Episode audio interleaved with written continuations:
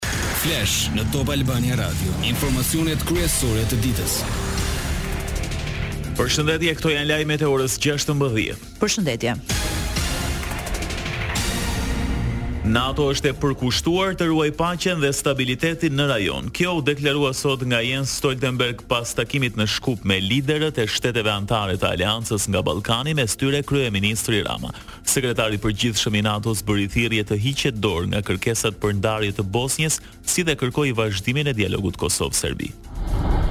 Stoltenberg theksoi se NATO nuk sheh kërcënim të drejtpërdrejtë ushtarak në rajon, por është e vetëdijshme për një rritje të tensioneve në Kosovë dhe për kërcënimet për ndarje në Bosnjë. Sipas tij, shtete autoritare si Rusia po rrezikojnë integritetin demokratik me kërcënime kibernetike. Për Prishtinën e Beogradin tha se nënvizoi rëndësinë e zgjedhjes së dialogut e demokracisë para konfliktit dhe luftës.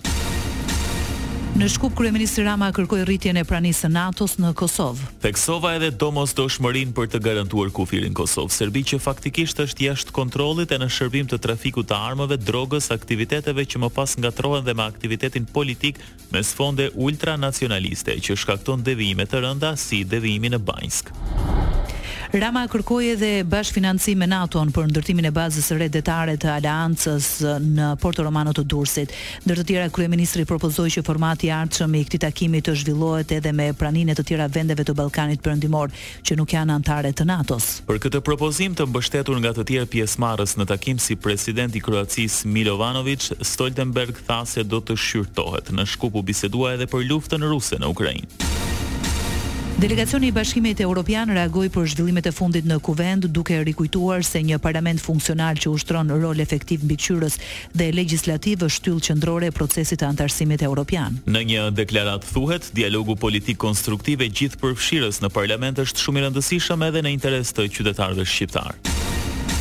Për kaosin e njëzet nëntorit në Kuvend, ku nuk pati diskutime lidhur me projektbuxhetin e dy mijë e njëzet e katër-s dhe në pak minuta u zhvillua ajo që duhej të ishte seancë maraton, katër deputetë demokratë përjashtohen me dhjetë ditë. Ata janë Flamur Noka, Gazment Bardhi, Bledion Nallbati e Flamur Hoxha. Vendimin e mori Sekretariati i Etikës, të cilit iu drejtua me kërkesë Grupi Parlamentar Socialist. Ndërkaq, nuk u morën masa për Albana Vokshin dhe Sorina Kotin.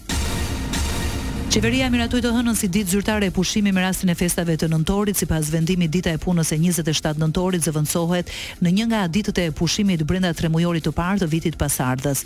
Bashkë me të shtunën e të dielën e kësaj jave, administrata shtetërore do të pushojë për pesë ditë. Lajmet në internet në adresën www.topalbaniaradio.com.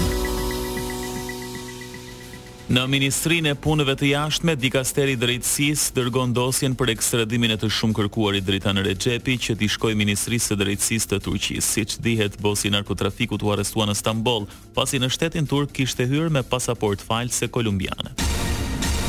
Spaku do të bëjë rekurs në Gjykatën e Lartë kundër lirimit të Jamarbër Malltezit nga apeli i posaçëm që dje vendosi arrest shtëpie. Për Top Channel, prokurori Arben Kraja konfirmoi se do të kërkohet kthimi i arrestit me burg. Ndaj dhëndrit të ish-kryeministrit Berisha rëndojnë akuzat e korrupsionit pasiv e pastrimit të parave lidhur me privatizimin e klubit Partizani. Nuk u paraqit dëshmitari i kërkuar nga Spaku, shtyhet për më pesë dhjetor seanca gjyqësore ndaj Fredi Belerit, shtetasi Abdyl Rama, i cili mungon për herë të dytë është vëllai i dëshmitarit bashkëpunëtor Arsen Rama. Mësohet se në seancë pati tensione mes prokurores dhe mbrojtjes lidhur me vendndodhjen e tij, kryebashkiaku i zgjedhur i Himarës akuzohet për korrupsion zgjedhor.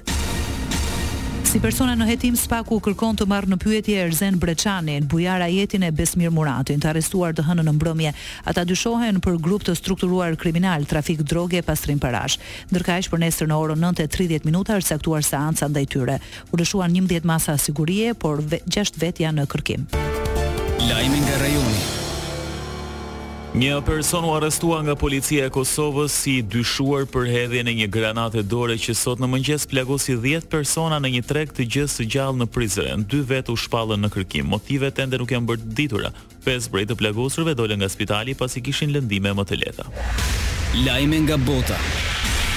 Izraeli dhe Hamasi ranë dakord për një pauzë katër ditore të luftimeve për të lejuar lirimin e pesëdhjetë pengjeve të mbajtur në Gaza në këmbim të njëqind e pesëdhjetë palestinezëve të burgosur në Izrael, po ashtu hyrjen e ndihmave humanitare në enklavën e rrethuar. Për çdo dhjetë pengje të liruara, pauza zgjatet me një ditë.